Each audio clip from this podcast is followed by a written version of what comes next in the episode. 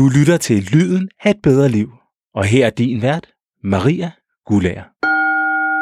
Velkommen til Lyden af et bedre liv, Patrick Agergaard. Tak skal du have.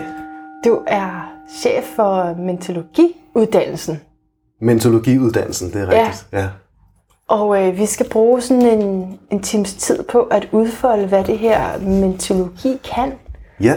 Og når jeg siger vi, så er det selvfølgelig mest dig, men jeg har taget et tema med, Du har et tema med. Ja. Sådan skal det være. så jeg tænker, det er i hvert fald, det har noget med noget mentalt at gøre. Ja. Og det er bekymringen for, hvad de andre synes om mig. Hvad de andre måtte mene, Ja. hvordan de andre måtte, måtte se mig og opfatte mig, og kunne eller ikke kunne lide mig. Det er som man filosofisk er stødt på det, øh, så hedder det den store anden, Ja. det blevet kaldt Ja. Lacan. Eller otherness, eller den fantaserede anden. Altså, det er som om, det er en anden, der er derude, de andre, Mhm. mm-hmm. men det er måske er det i virkeligheden installeret i mig selv. Ja. Og jeg tror også, at, at der er nogen, der har sværere ved det end andre. Jeg har personligt rigtig svært ved det. Og jeg tror, det er fordi, jeg er astrologisk i sådan mit horoskop, så har jeg flest planeter på du-siden, Ja. frem for på jeg-siden. Okay.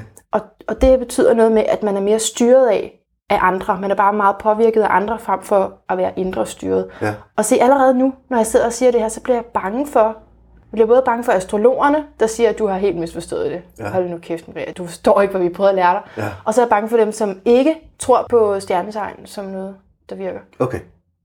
Vil du Så fa- faktisk alt, alt, hvad jeg gør og siger, er jeg bange for, hvad andre måtte mene om. Så allerede det er det faktisk bevist. Du går rigtig meget op i, hvad andre tænker, Ja, selvom jeg ikke vil. Selvom du ikke vil. Ja, Okay. Om det er så, fordi du har mange dupler, jeg, ved ikke noget med astrologi, Nej. så det skal jeg ikke udtale mig om. på et tidsspor. Øh, og det kan da godt være, at dem, der er professionelle, vil sige, at det er ikke sådan, det skal tolkes, det betyder noget andet, eller du skal Ja. også tage højde for det her. Ja.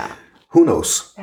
Det jeg gør med mentologi, som var dit spørgsmål, det er at tage udgangspunkt i den person, du er.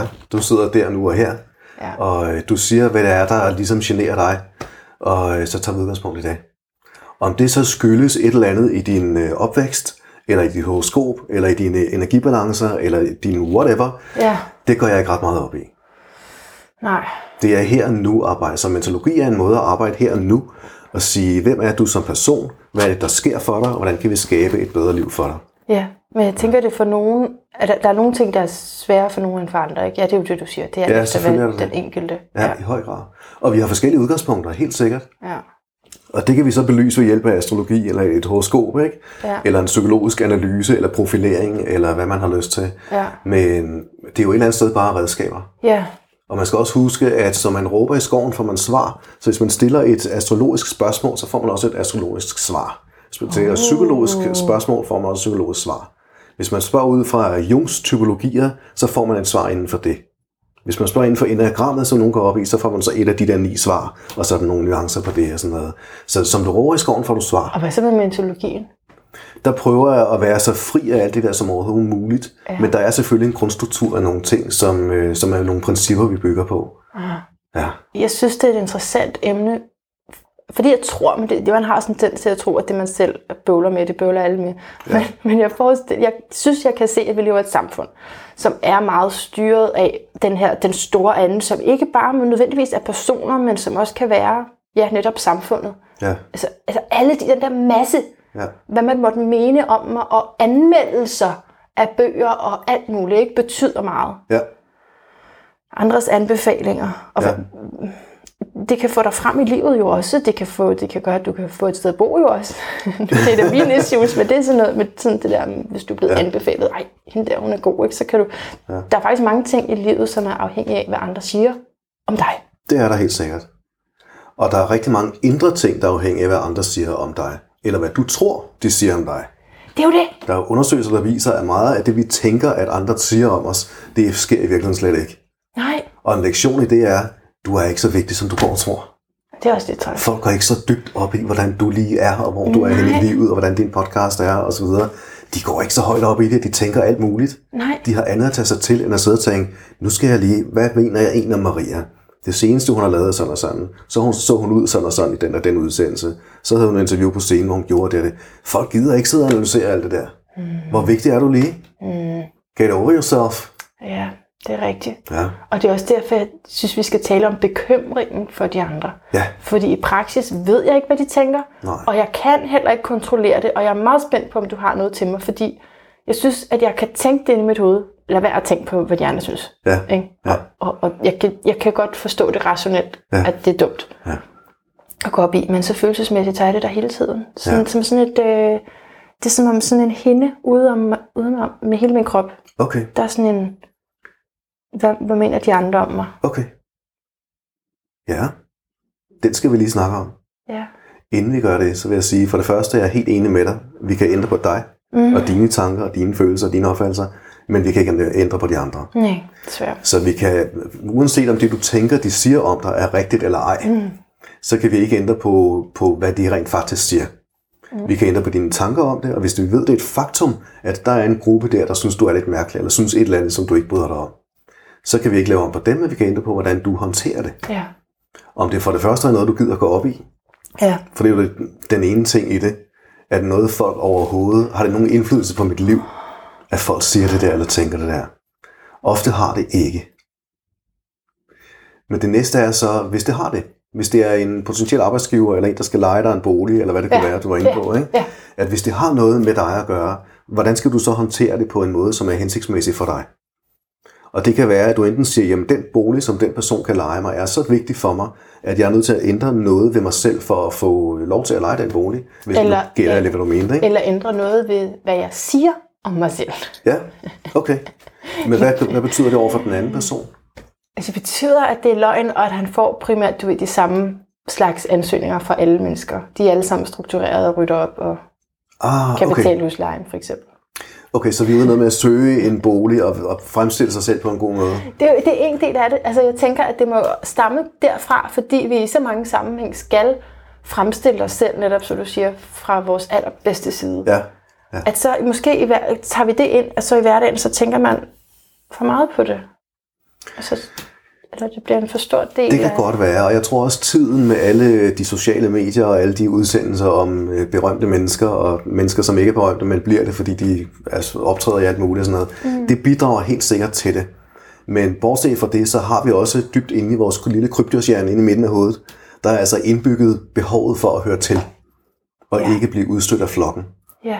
Og man mener, det, det er sådan noget teoretisering, ikke? hvor man gætter lidt til, hvorfor er det måske sådan. Men man siger, det er nok fordi mennesket oprindeligt i en stenaldertid, vi siger altså stenalderen, når vi skal sige i gammel tid, ikke? men i gammel tid på et eller andet tidspunkt. Ja. ja, der levede vi ude i nogle huler og skulle kravle op i træerne for at flygte fra tigerne. Hvis ikke vi kunne det, så blev vi et mm. og døde.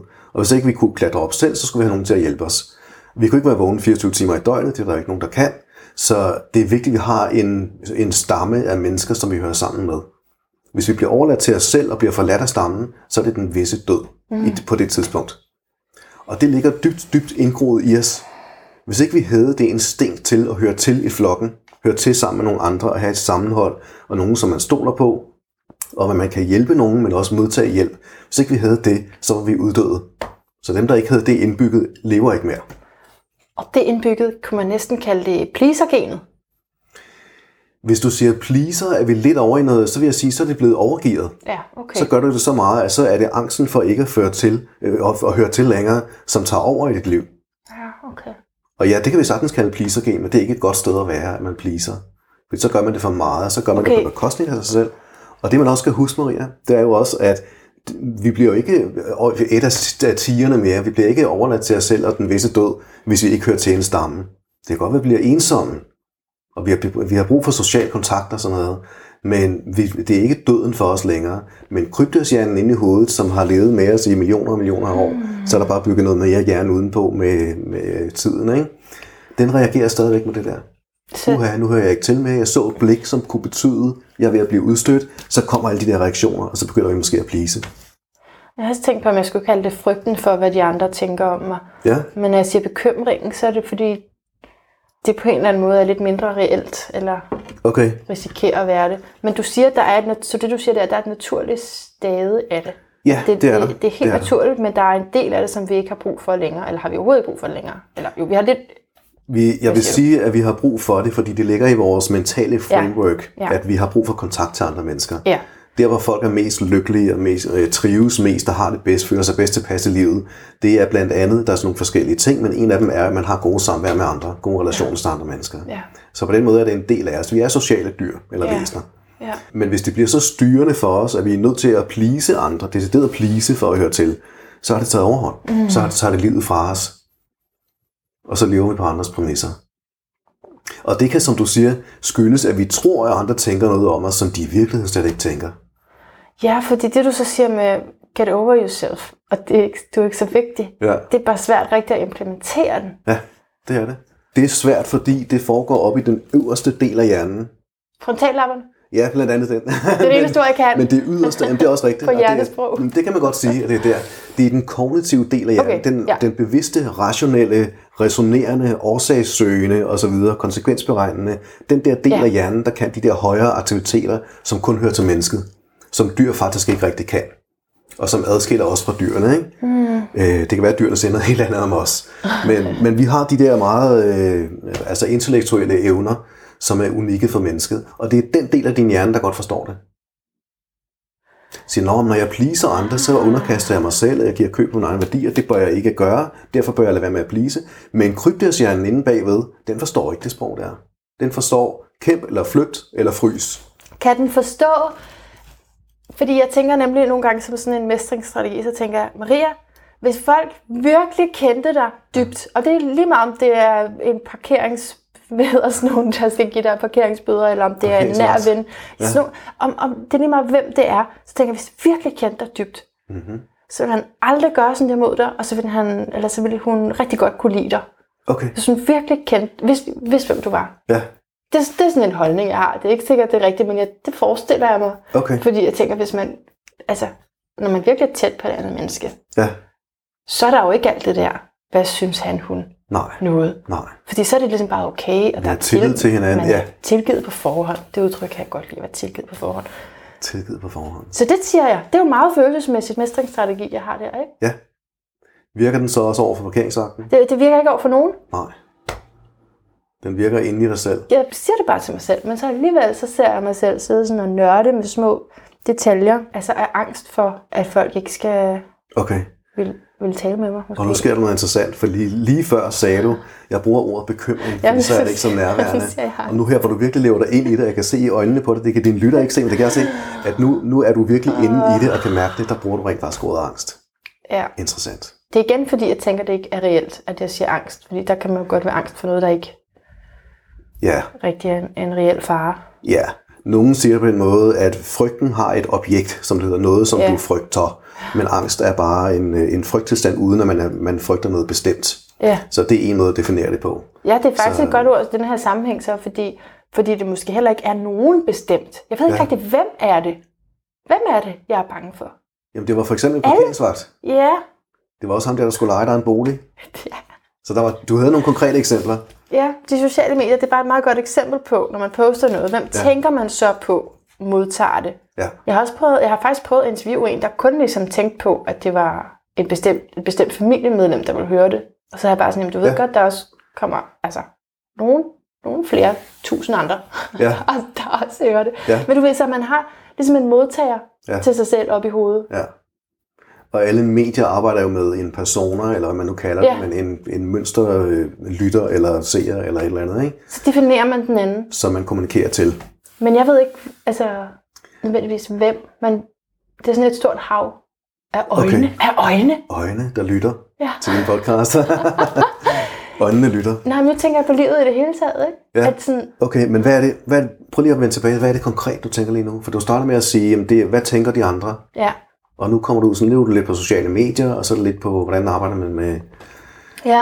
kommunikation. Det er fordi, jeg synes, det afspejler livet meget godt. At jeg ikke rigtig ved, hvem jeg sender mig selv ud til. Okay, Jeg ved ikke, hvem der ser mig og modtager mig. Jeg ved ikke, hvem af naboerne, okay. der har set mig Nej, øh, tisse ude foran. Eller det har jeg ikke lige gjort ved mine egne naboer, men det har jeg måske gjort andre steder, tisset, hvor man ikke måtte. Altså, Man ved ikke, Ja. ved ikke, hvem der ser en. så lad os tage det eksempel. Ja. Hvad nu, hvis de har set dig?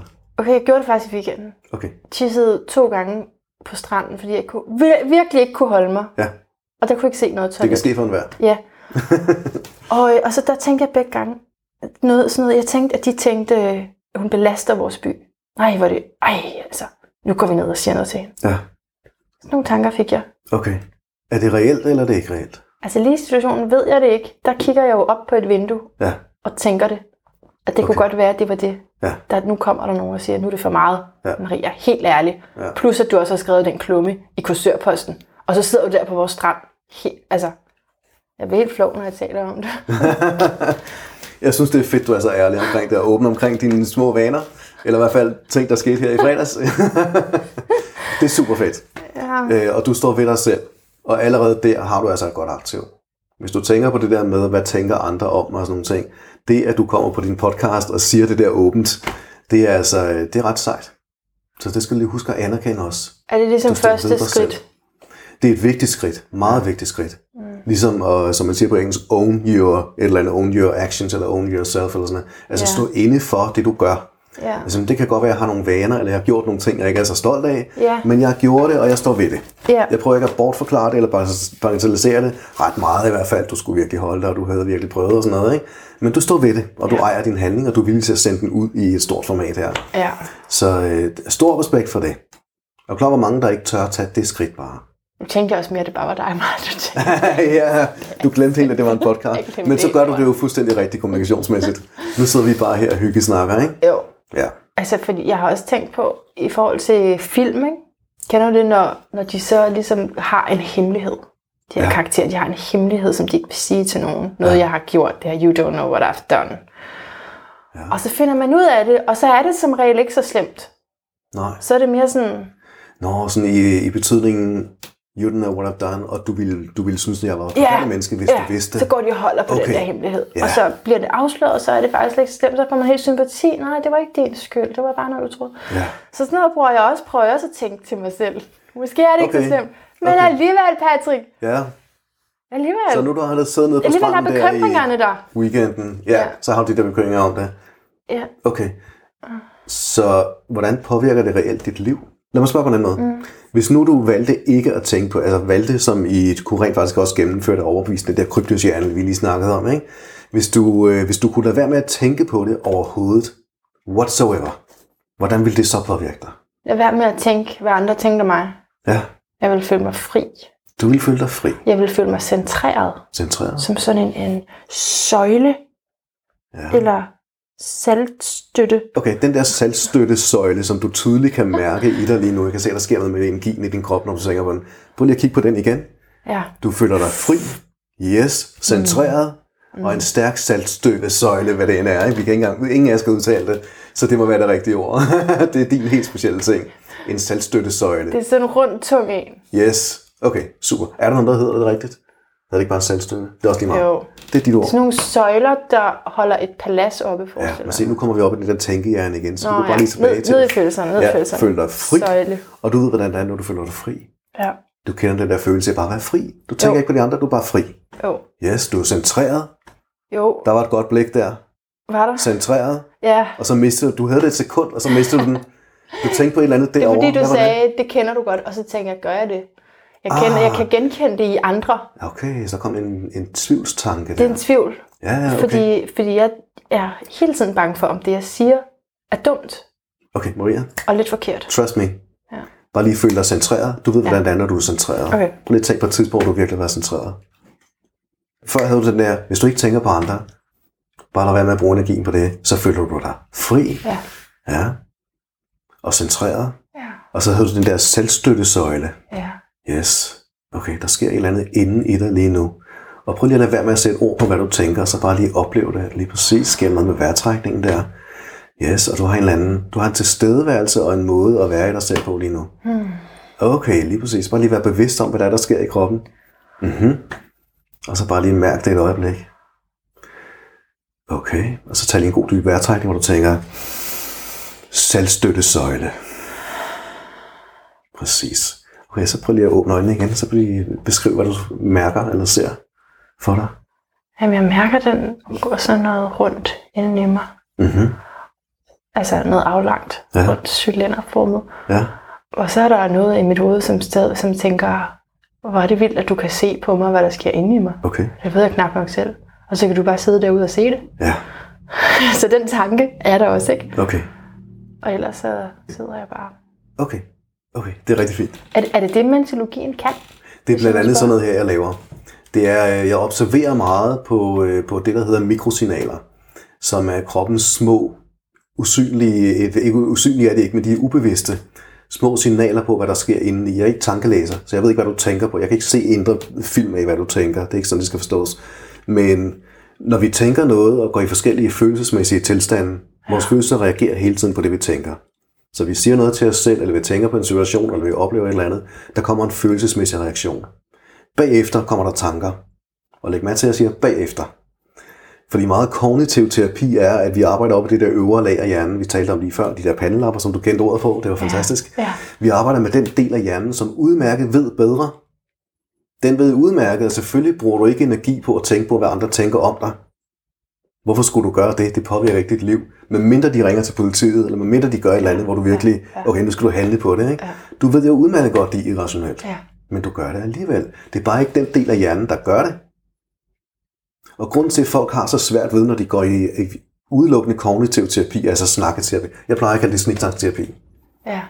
Det er sniksnakterapi, hvor du sidder, hør nu her Maria, hvad nu hvis du bare nu være med at tænke på, hvad andre tænker om dig? Det har du garanteret prøvet før. Det har jeg. Men så sidder vi og bliver enige om, uh, nu siger Patrick, jeg skal bare lade være med at tænke på det, så lader jeg være med at tænke på det. Og så kommer du i næste uge, så siger hvordan det er gået, og så siger du, jeg tænker på det hele tiden. Ja. Men du havde jo besluttet at gøre noget andet. Du havde besluttet at lade være. Ja, det havde du. Og så har jeg bare givet dig skyldfølelse over, at du har besluttet én ting, men du gør noget andet. Og det er fordi, jeg kun kommunikerer med den del af Uh, det er hjernen. interessant det her. Den øvre del af hjernen. Den kloge, intelligente, rationelle del af hjernen. Men alt det andet, som er det, der i virkeligheden styrer os, den får vi ikke med.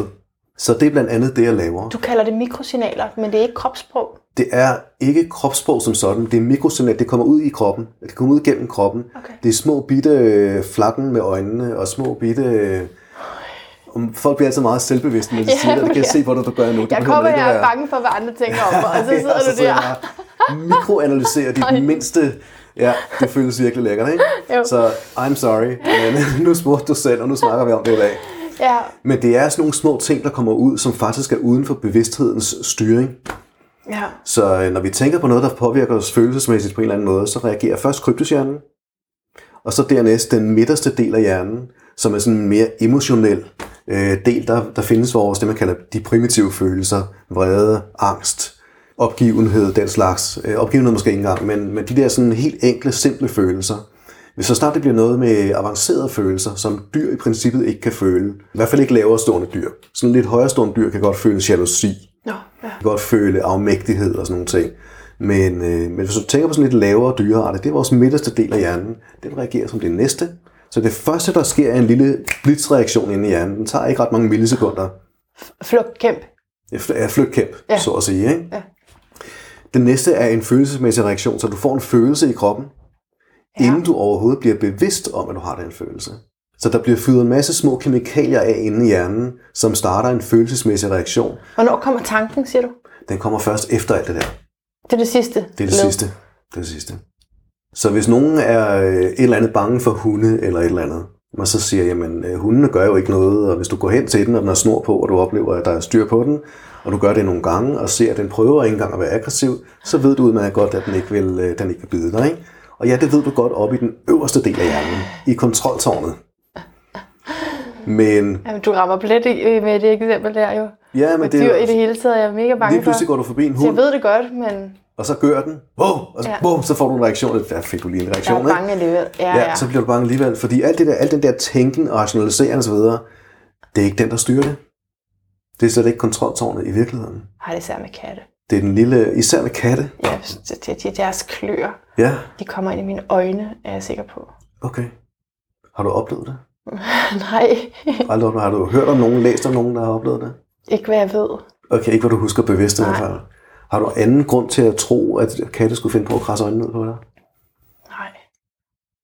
Jeg, og, Hvad det er, det og det er måske i virkeligheden, når vi taler om det, er det måske i virkeligheden også for meget en tanke, fordi den kan jeg godt skyde ned. Men det er mere sådan en følelse af, at de gør det. Altså det er mere sådan en, Ja, okay. Den kan du godt skyde ned, den der tanke, kan jeg? Altså, sagde du. Det, altså kan jeg det? Det sagde du Nå, også.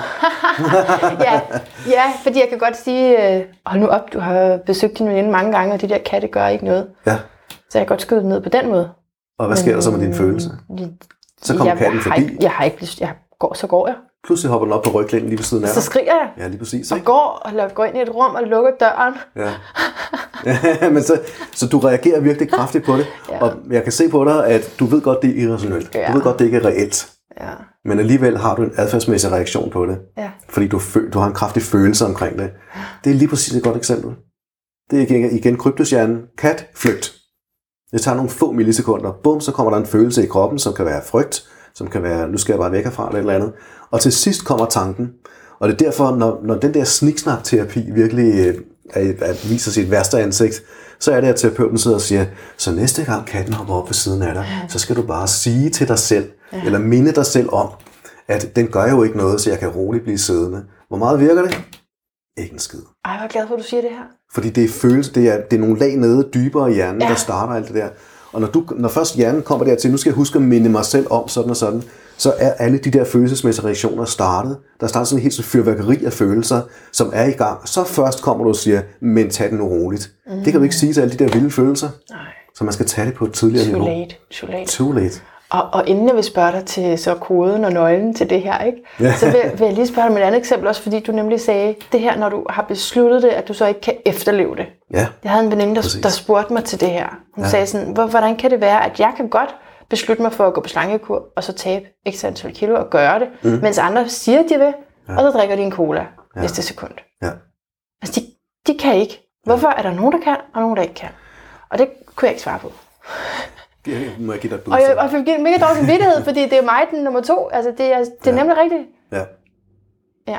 Og jeg vil sige, sådan noget med slankekur og noget, der har at gøre med fysiologiske behov, der kan være flere svar på det. Det ene kan være, nu kender jeg ikke din veninde eller dine kostvaner, men måske er hun god til at få så meget, øh, altså få de rigtige kulhydrater og sådan nogle ting. Ja, der er en selvfølgelig hel helt masse- praktisk med, at blodsukker, man ikke har lyst Ja, præcis. ud fra, hvad man spiser. Ja, ja, ja. Fordi hvis hun helt intuitivt, uden at tænke over det, gør de rigtige ting i forhold til det, Ja. så kan hun også godt vedligeholde sin sukkerbalance osv., uden at få de der Så cravings. fysisk set kan det være nemmere. Ja. Men jeg tænker mere på den mentale del med, nu har jeg besluttet det. Yes. Det kunne lige så godt være, altså jeg vil, jeg vil løbe den her tur, jeg vil gøre et eller andet, der gør ondt, Ja. og nu har jeg besluttet, at jeg vil gøre det. Men om man så gør det eller ikke gør det, ja. hvad? Det er også, når jeg bare lige nævner det, så er det, så fordi at sige, Ja. jeg vil gerne vil sige, at man skal også, der er nogle naturlov, man også skal overholde. Ja. Hvis hun intuitivt gør nogle ting, som gør, at det bliver lettere for hende at gennemføre den kur, men du ikke gør de ting, Ja. så kan det være en forklaring. Ja. Så det er den fysiologiske del af det. Det er en rent mental del, som er mit speciale. Der, nu sagde jeg lige så, før til dig her, at øh, du havde forskellige strategier for at komme i den der tilstand. At være fri Ja. og centreret, Ja. og en selvstøttesøjle. Ja. Ja, og du kan mærke den igen. Prøv lige at mærke den igen. Hvad du oplever i den tilstand der? Yes, yes, der var den. Den der tilstand, hvad er det? Ja, jamen, er det så er, jeg, så er jeg faktisk så er jeg faktisk en okay person, altså. Så kan jeg faktisk godt finde ud af noget. Så er det faktisk okay, at jeg eksisterer. Ja, Det er du er der- okay. det er det er vi i bor at du er her på jorden sammen med os andre. Præcis. 7 milliarder. Ja. Du er en okay person. Ja. Og hvad gør det? Hvad kan du så, når du er en okay person? Hvordan kan du gå ud og vise, at du er fri, bare fordi du er det? Lad mig spørge lidt mere specifikt. Ja. Prøv lige at- at mærke den igen. Du mm. er fri, mm. centreret mm. og en selvstøttesøjle. Ja. Nu har vi lært at udtale det. Ja. Yes, og du kan mærke sådan en cylindrisk rund del inden i dig, som du kan opleve igen. Ja. Yes, okay. Så mens du er i alt det der, hvis du beslutter dig for, at nu går du på slankekur, og nu vil du tabe x kilo, eller hvad end dit mål er, hvordan vil du så gribe det an? Tror du så, man kan? Der kom en masse tvivl der. Lige Jamen, det, samme. det er fordi, jeg lige er nysgerrig på, på din strategi der. Ja, jeg spørger mig om det. Vi er slet ikke færdige. Det er bare en indledning til det. Et indgang til det. Men du fik tvivl lige med det samme. Jeg får tvivl lige med det samme, fordi, ja. fordi vi skifter også, vi, kom, vi ryger ind og ud af tilstanden. Nu siger Det jeg vi, vi. fordi jeg tænker, det er nok ikke kun mig. Det gør alle. Ja. Det gør alle. Og på nogle tidspunkter, så kan man synes, det er en rigtig, rigtig god idé. Og det er faktisk livsvigtigt, Ja. at jeg gør det her. Og på andre tidspunkter kan man sige, nej, ved du hvad, jeg skal nyde livet. Mm-hmm. Der er ikke nogen, der skal bestemme over mig. Ja. Og nu spiser jeg immer væk, hvad jeg har lyst til at spise. Og lad os sige, at du vælger den sidste. Og øh, du ved udmærket, det behøver ikke at sidde og gøre en masse ud af, at det kan føre til diabetes, Ja. hjertekarsygdomme, Ja demens, alle de der ubehagelige livsstilssygdomme, som vi lider af i Vesten, fordi vi ikke har en skid styr på vores liv, sådan rent øh, kropsmæssigt. Ikke? Så, så vi, synes, vi siger, at vi er så avanceret og så højt fremme og så videre, men vi har bare ikke styr på de der helt basics, så vi lider af alle mulige mærkelige sygdomme. Og det ved du udmærket godt, at det gør. Så når du har fået, vi banker under bordet og håber ikke, at det nogensinde sker, Men lad os sige, at du fik nogle af de der livsstilssygdomme. Som jo også kunne være en depression. Sagtens, mm. sagtens. Kost og motion osv. påvirker vores psyke rigtig, rigtig meget. Så det er en anden historie, men, mm. øh, men det kunne det sagtens være. Mm. Hvis du fik nogle af de livsstils, livsstilssygdomme der, hvor fri ville du så være? Overhovedet ikke Hvor andet end centreret ville du være? ja, centreret i maden. Midt i maden. Jeg vil være midt i Centreret maden. lige midt i måltidet. ja, lige præcis. Og er du fri der? Nej, Nej, det er jeg jo ikke. det er du jo ikke. Og, og det er jo pointen, ikke? Mm. Altså, hvis du går gennem byen, og du er bare nødt til at spise hver eneste pizza kebab, du kommer forbi, og hver I det eneste hele taget, i det hele taget afhængighed gør mig ufri. Og det er, Det også, den. det er også derfor, at det her er interessant med bekymringen for de andre. Fordi det gør mig også ufri, at jeg Mm-hmm. har brug for andre til at sige, at jeg er god nok. Ja, det gør det. Og at jeg bliver påvirket af at få et like. Jeg Ja. ville sådan ønske, at jeg ikke blev påvirket af at få et like. Jeg er da ikke typen, der bliver påvirket af at få et like. Hallo, jeg læser aviser. altså, Ja, ja. i min fantasi, ikke? Men i praksis, så, så bliver jeg jo helt vildt glad, når der er nogen, der ja. siger noget godt til mig. Ja. Og det er igen den der forskel på, at du tænker dig til én ting, det bør da ikke betyde noget for sådan en som mig, der læser aviser. Og det er den rationelle tanke, hvor du prøver at overbevise dig selv om, at sådan skal det være. Og det forstår hovedet godt. Jeg har sådan, jeg har sådan en tanke om, hvad jeg gerne vil være, og så er der Ja. realiteten. Ja. Ja, lige præcis. Og realiteten er alle de der følelsesmæssige fyrværkerireaktioner, vi snakkede om før, ikke? Nu har jeg, har jeg postet noget for fire timer siden. Jeg er inde og tjekke, der er ikke noget like. Ah, så kommer der alle mulige følelser på det. Ja, ja. Ja, så det der med, at det er okay, du er en okay person, og det er okay, du er her, det tæller nada, hvis ikke du får likes. Hvad er nøglen? Og Jeg nøglen er, det er, at man arbejder med alle de der lag. Og nu deler jeg op i hele i, i tre simple lag, men i virkeligheden er der mange, der er mange niveauer på det, men det er bare for at gøre det lidt simpelt, ikke? At der er kryptosreaktionen, så her er nu-reaktionen. Du ser det der, der er ikke noget like. Hvad er din spontane, umiddelbare kæmpe- eller flygtreaktion? Og det ved man sjældent bevidst. Og der kommer lidt hypnose ind i billedet, som jeg tit bruger til det. okay. Og nogle gange gør jeg det bare på let niveau, som jeg kalder samtalehypnose, som er, at jeg ikke sådan lægger dig over på briksen og, og være dybt væk, som når, når du mediterer, sådan noget, øh, sådan, som du er vant til. Men at vi, øh, vi sidder og taler sammen, og så nogle gange har jeg sagt, nu kan jeg se, der sker noget inde i dig. Eller Ja. nu kommer der en tvivl eller noget. Ja. Og lige nu har du også nogle tanker, kan jeg også se på dig. Jo. Desværre kan lytterne ikke, men det, trust me, det kan jeg bare se på dig. Hun har tanker, bare Hun rolig. tanker. Hun har Der er tanker. tanker derinde. Jeg vil sige, hun får mange tanker. Og det er tit det, der ødelægger vores liv. Det er alle de der tanker og metabevidstheder om, at ja, jeg bør jo vide sådan og sådan og videre, og så videre. Ikke? I stedet for bare at leve og være i nuet. Men nøglen til det er at arbejde med alle de der niveauer. Og så, hvis du, vi snakker om, hvad mentologi er, og min for, jeg plejer at kalde det en trivselspsykologi, hvordan man opnår trivsel. Ja. Og trivsel lyder for nogen som sådan noget arbejdsplads, øh, udfylde skemaer, og så sker der ikke en skid alligevel. Men, men altså reelt trivsel, hvor vi har det godt, hvor vi er ikke mindst lykkelige hele tiden, det kan man ikke være, men hvor vi har et godt liv. Ja. Og nyder at være her, og nyder øjeblikket, og vores ja. venner, og vores aktiviteter, og vores, altså det hele, som livet byder på. Øh, så når vi arbejder med det, en, en grundsten i det, jeg arbejder med, stammer fra positiv psykologi, mm. som handler om ikke at sidde og analysere og tænke, hvor, hvordan var din barndom, og hvordan kom du frem til at blive så fucked up, som du er i dag. Excuse me, det var bare et eksempel. Ja, nu må du gerne sige. Ja, det der er mange, der har sagt det før dig. det var bare et, det, det var ikke ment for dig, det var bare sådan et øh, generelt eksempel. Ikke? Ja. Øh, men nu vi sidder og leger og hygger os bare os to alligevel. Jo. Ja, det er det. Men, men i stedet kigger på, øh, hvad er der i dig, som er gode ting. Så når jeg lige før spørger, hvornår er du fri og centreret, det er dine egne ord, men vi kom ind på det af den vej, hvor det var en, en positiv ressource for dig. Det er blandt andet en måde, jeg arbejder med sådan noget på. Så hvad er dine stærke sider? Læg vægt på de positive ressourcer. Ja, Så også dem, man ikke selv synes, man har måske? Eller kun I dem, høj man... grad. Okay, også dem, man i ikke høj har. grad. Okay, ja. ja. Eller dem, som man godt ved, man har, men som man synes er en bagatel. Ah, ja.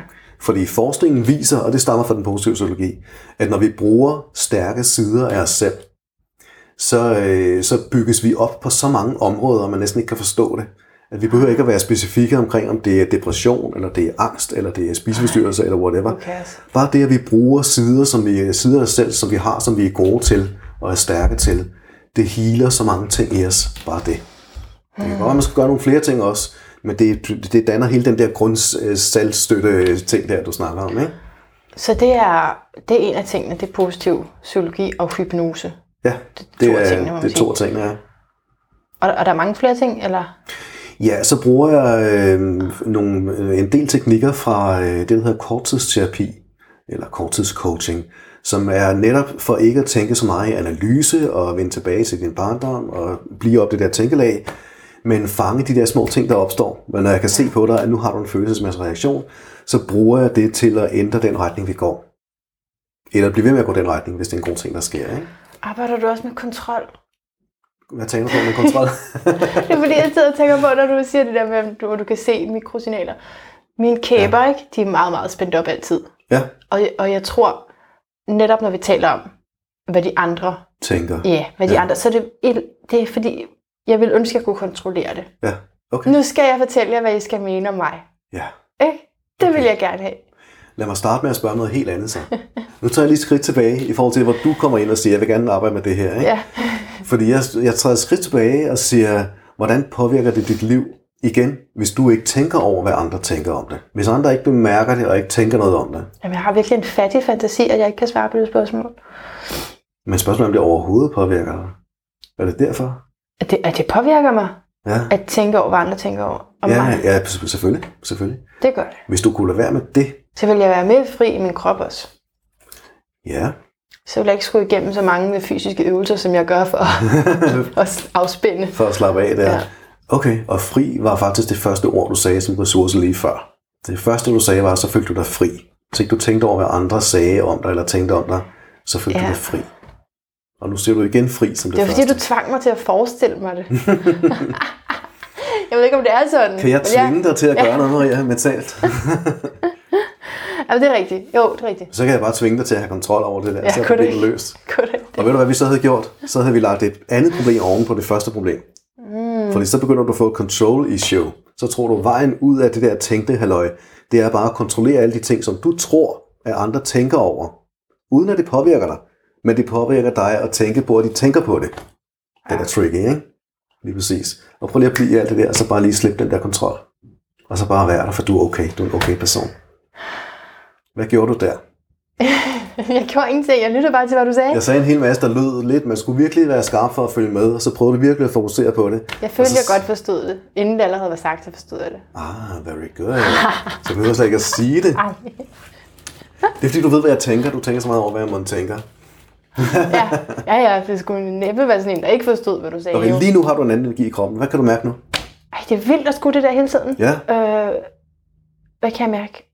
Jeg føler mig ovenpå, ja. og jeg er klar til at stille dig et spørgsmål. Okay. Hvordan kan du mærke det, inden du stiller spørgsmål, hvordan kan du mærke, at du er ovenpå og klar til at stille spørgsmål? Jeg synes, der er forskel, fordi så snart ligesom fokus er på, på mig, nu skal jeg mærke noget, Ja. så starter usikkerheden. Ah. Men hvis vi kan tale lidt om dig, Ja. og være i gang med noget, ja. så er alt godt. Okay. Og det er også, nu leger vi det bare os to, men der er mikrofoner på, og i dagens handling har vi også nogle kameraer på og sådan noget. Ja. Så, øh, så det er ikke bare os to.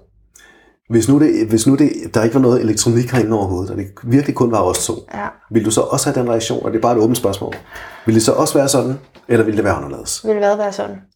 At øh, det der med, at du er ikke så, øh, så komfortabel med at være i, i det, der foregår ja. i dig? Jo, det er, det, er, det er nogle gange sådan, ja. Det er det godt nok.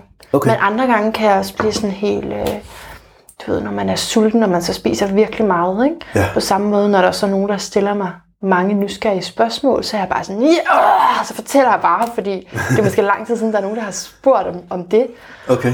og spurgt i lang tid, Ja. og så kan jeg bare sådan øse ud, for jeg synes, det er dejligt, at der er nogen, der interesserer sig. Ja. Nu modsagde jeg jo mig selv der, men det er begge dele. Men det behøver ikke være en modsigelse, for sådan er livet jo. Ja. Så, øh, så det er kun fint, at du er bevidst om det. Det er, nok, det er nok, når det er sådan en som dig. Det er dig, det er slet ikke mikrofonen. Sådan en det er dig, ja, der stiller følespørgsmål Det er dig, og- som der sådan lidt kan se, hvad der også sker, ikke? Ja. Og nogen kunne måske se sådan på det, at fordi jeg er sådan en behandler dude, Mm. så kunne det være den rigtige til at stille sådan nogle spørgsmål, hvor det var okay. Jo, Og jeg har tavshedspligt og alt muligt. det er rigtigt. Måske ikke lige i dag, fordi der er nogle andre ting, men det vil jeg jo have normalt. Ja, så det er et rigtig godt øverum, ikke? Til at faktisk at føle sig fri. Det kunne være et øverum, eller et laboratorium, eller en mulighed for, at du kunne blive bevidst om nogle af alle de der ting, der sker inde i dig, som du jo er helt vildt nysgerrig på. Ja. Du spørger helt vildt til det, og hver gang jeg kommer ind på noget med, så er der nogle lag i hjernen og et fyrværkeri af følelser og sådan ja, noget, ja, så er, du, så er du meget interesseret i det. ja. Og der sker en hel masse inde i det lige nu, kan jeg godt se. Ja, det er for, som man prøver at forstå det på sin egen krop Ja. og Og så, sin egen kæbe. så lad mig give dig et tip, mens du er ved at forstå det på din egen krop. Ja, Ja, og så blive det, der sker lige nu, hvor du bare store smiler. øh, og så bare blive inde i det. Lad være med at tænke så meget over det på, mm. på tankeniveau og mm. ordniveau. Mm. Det er tit der, det går galt. Det er sniksnak-terapien. Har du hypnotiseret mig lige nu? Kan du mærke det? Jeg ved det ikke. Kan du mærke forskel på, hvordan du har det nu, og i forhold til for 10 minutter siden? Ja. Hvad er forskellen? Jamen, jeg synes, jeg mærker mere jo. Det gør du nemlig. Og hvad gør det ved dig, at du mærker mere, end du tænker sådan? Så lytter jeg bare. Så lytter du bare. Er du en okay person? Jeg er Ja, du er. en top okay person. Sådan. Er det okay, du er her? Ja. Okay. Mærk lige den energi, du kommer med der. Mm. Hvordan var du opmærksom på den? Når du tænker på den igen nu her, bare lige mærker den energi, du havde. Sagde, er du en okay person? Ja, ja, ja, siger du så. Ja. Hvad sker der i dig der? Så bliver jeg glad Lige for livet. Glad for livet, som du kan sige det og artikulere det. Fantastisk. Ja. Okay, den tilstand, du er i lige det splitsekund, Ja. hvor jeg siger, er du en okay person? ja. Ja, hvad er det, der sker der? Jeg tror, mit hoved gik lidt op mod loftet. Okay. Og hvis du ikke var i hypnose, vil dit hoved så gå op mod loftet? Ej, det ved jeg da ikke. For real? Vil dit hoved, hvor tit oplever du, at dit hoved går op mod loftet? Så jeg er faktisk i hypnose nu. Men det ved jeg ikke. Jeg prøver bare at stille nogle spørgsmål for at besvare dit spørgsmål. Mm. Men lige før, ikke lige før, men da vi startede sådan, i starten af det her, Ja. der sagde du, hvis bare folk kendte mig præcis, som jeg er indeni, ja, det er rigtigt, men så der... ville de være søde overfor Og for at nogen kan kende mig indeni, skal de jo også selv rive deres hjerte op. Så Ja. det er en meget intens relation, at jeg taler om, eller en intim, eller en mere intens relation. Ja. En øh, hypotetisk, teoretisk relation. Hvis det var sådan, at man kunne line prikkerne op på den her måde, så ville det være sådan. ja, hvis man virkelig Okay. kendte mit hjerte. Men jeg er faktisk ellers meget enig med dig. Ja, Hvis først man kender hinanden rigtig, rigtig godt, og der opstår den der tillid og samhørighed, og du kaldte det tilgivelse på forhånd, det Ja. synes jeg var fedt. ja. Øh, når først alt det der opstår, så er der jo ikke øh, judgment, Nej. hedder det. Altså, så dømmer vi ikke hinanden, og så, øh, altså, så er der en andet frirum. Du vil gerne føle dig fri. Dommen, dommen, Patrick, Ja. ja. det er jo virkelig Ja, centralt i det her. ja.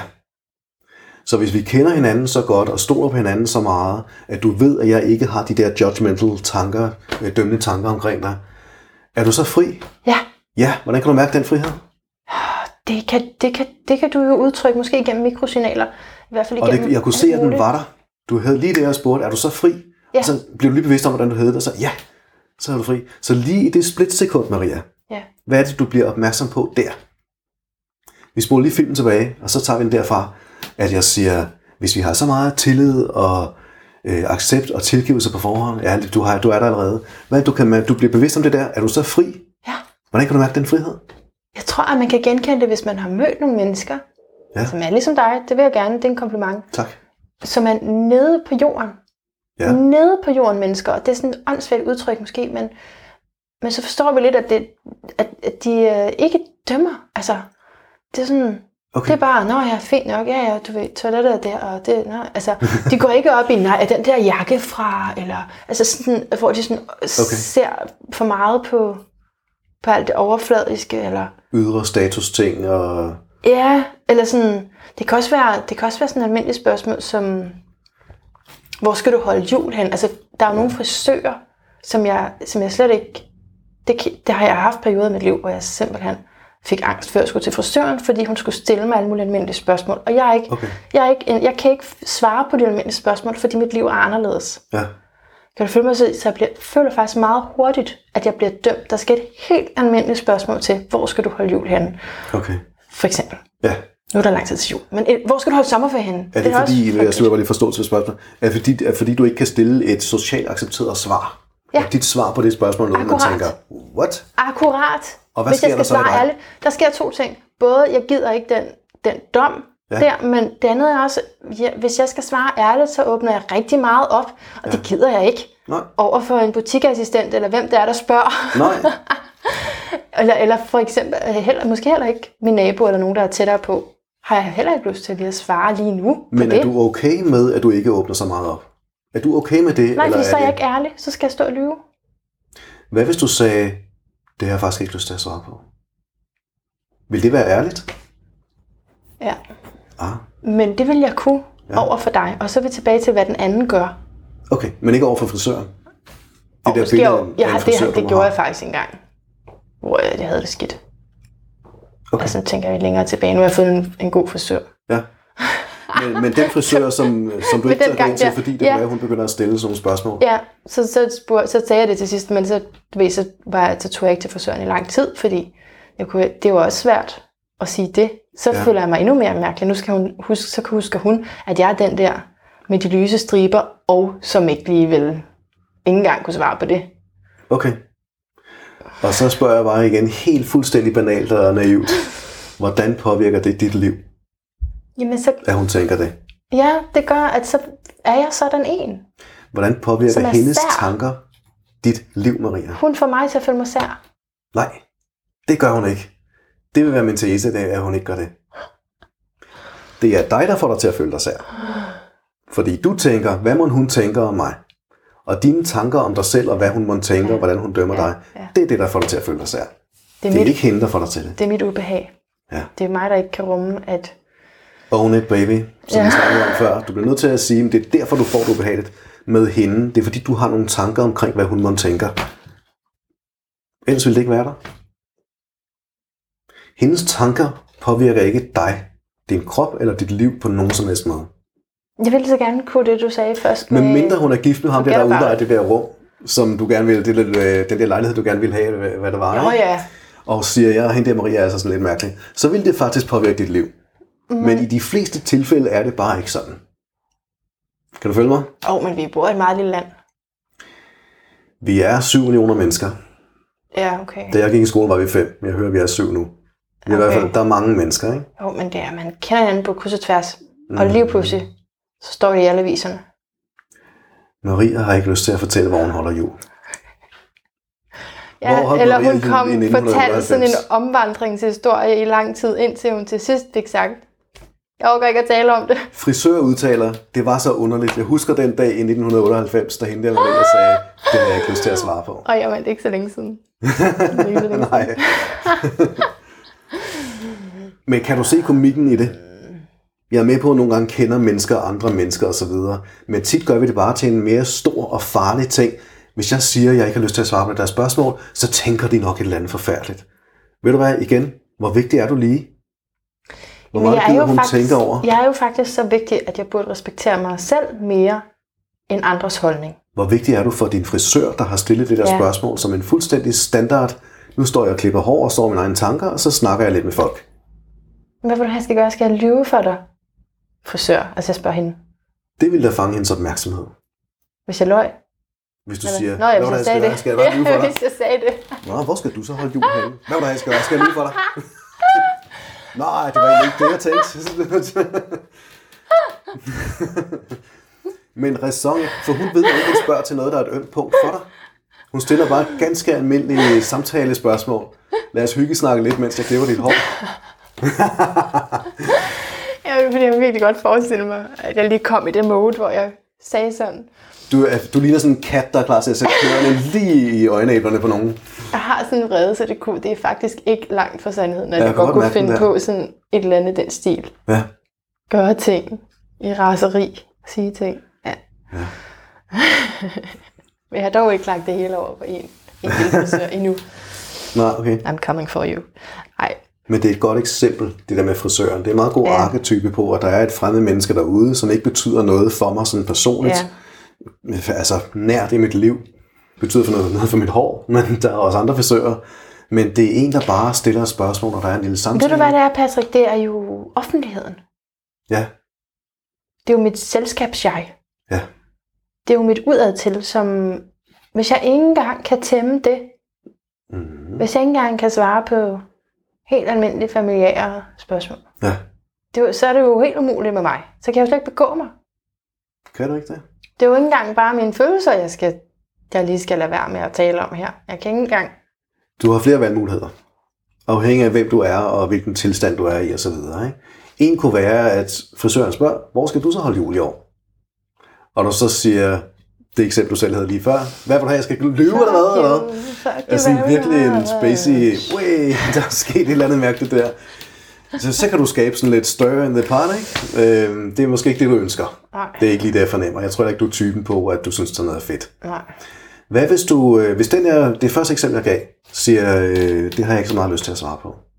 Hvis det er for langt ude, kunne du så, eller hvis det er for mærkeligt, Så bliver der rungende tavst inde i frisørsalonen. Alle- Der sidder tre på linje. Alle der holder op med lige, at klippe. De har lige siddet og... og de sidder med hovedet inde i den der tørretumbler, eller krølleting der, De kan i hvert fald... Ja, de kan høre. Det har jeg kan- ikke lyst til at og svare de på. kan Og hun mærke- siger, hvad siger du? Og så er jeg nødt til at sige det igen højere. Ja. Jeg har ikke lyst, lyst til at svare på det.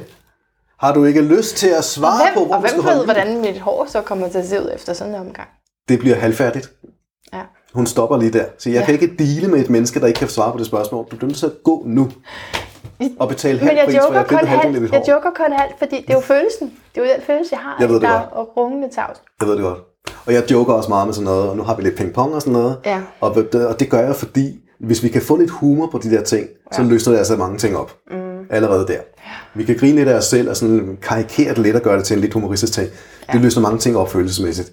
For det første vil jeg mene, overall, du bør gå en anden vej end det der. Du skal ikke kontrollere en ukontrollabel følelse. Du skal i stedet sætte den fri. Jeg taler om at kontrollere mig. Hele dig. Ja. Det er noget af en opgave, kan jeg opstille dig. Du startede med kæberne, og nu er vi på hele dig. Ja. Okay, men hele dig er en stor ting. Ja. Så hvad, hvad tænker du konkret? Det behøver ikke være sådan en fysisk ting med kæberne, men hvad tænker du konkret ellers? Hvad der skal kontrolleres. Ja, Jamen, hvem jeg er. Sådan så, at det, der bliver sendt ud, er acceptabelt. okay, lad os lige prøve en ting. Åh, Tænk lige på jeg har ordet noget igen. fri og centreret. Nej, nej, du, du spiller Jeg tænk- totalt- nej, jeg tænker- Men du var på vej der, i det fint. Sandstenstøtte Ja, ja, ting ja, jeg ikke? mærker det. Ja, okay. Men der sker mange andre ting lige nu også. For nu synes du bare, det er irriterende. Vi skal tilbage til den der frihed. Ja. Yes, vi havde den på et tidspunkt, hvor jeg sagde, hvis du kunne være, lade være med at tænke på det, som du tror, at andre tænker om dig, og som skaber en reaktion inde i dig, som for eksempel frisøren.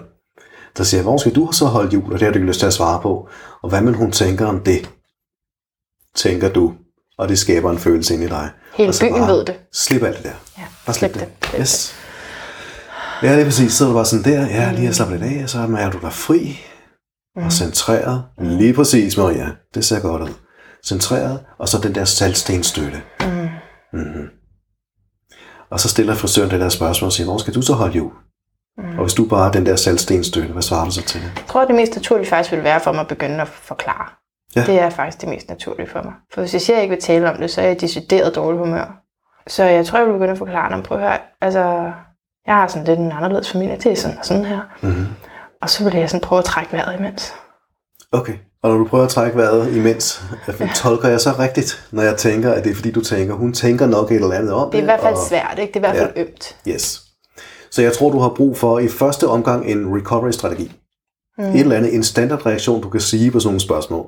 Ja. Og hvis den der med, det har jeg ikke lyst til at svare på, ikke fungerer for dig, og det kan jeg sagtens forstå, der kan være et muligt socialt i det, ikke? Jo. Men at du har fem forskellige muligheder, så du kan enten bruge den, hvis det er passende ind i situationen. Hvis den ikke er passende, så kan du sige noget andet, som, ah, ved du hvad, det har jeg ikke lyst, det gider jeg ikke endnu. Kan vi ikke snakke om vejret i stedet for? Ja. Eller noget andet. Så har du ikke direkte sagt, jeg har ikke lyst til at svare på det. Du har bare sådan deflektet den lidt. Ja. Så du kan have sådan nogle forskellige strategier, hvor du har nogle forskellige, fem forskellige knapper, du kan trykke på. Som er sådan nogle standardsvar, Okay. og det er ikke det endelige mål, at du er der. Det endelige mål er, at du bliver fri. Men så får du lige et dække, som du kan være inde under, indtil du bliver mere og mere fri. Så det mål med, med det trin, jeg kan godt høre, du siger, målet er, at vi bliver helt frie, men det mål vil så være, at jeg lige fik lidt distance til andre mennesker. Ja, At det gik så dybt ind i mig. ja, præcis. Lige præcis. Så frem til, at det går direkte ind i hjertekuglen på dig, så kan du Ja. holde det ude på noget afstand, hvor du har, sådan, har nogle socialt acceptable reaktioner, som Ja. beskytter dig. Alle har nogle ting. Uanset om de er photoshoppet eller ej, som er en ydre ting alt sammen, ikke? hvordan man tager sig ud på billeder. Vi kender alle sammen mennesker, der ser godt ud og ser lækre ud på forsider og på internettet og sådan noget, men vi har godt nok ikke lyst til at være sammen med dem, fordi de er nogle svin. Eller de er selvoptaget, Ja, ja. eller de er bare ubehagelige, eller de dræner vores energi. Der er mennesker, vi bare ikke kan holde ud. Det at de har en fed udstråling. Vi kan bare ikke holde at være sammen med dem. Så når du gerne vil være dig, og være dig selv, og Ja. være fri, Ja. så er løsningen at slippe al den der kontrol. Og så bare være der. Jeg skal lige øh, Mm-hmm. komme til stede igen. Fordi øh, vores tid er gået, så jeg skal simpelthen ja. bare lige spørge dig, om din lyd er et bedre liv. Men på en måde, så, så følte jeg næsten, at det her var din lyd, altså din stemme blev også lidt dybere og sådan, ikke? Det her var næsten din lyd af bedre liv, men det kan Ja. være, du har et andet ord eller en, en lyd, du lige vil sige. Og det er, jeg bruger stemmen på en anden måde, når jeg taler, og det er fordi, jeg taler til de der forskellige lag i hjernen, og forskellige dele af personen. Ja.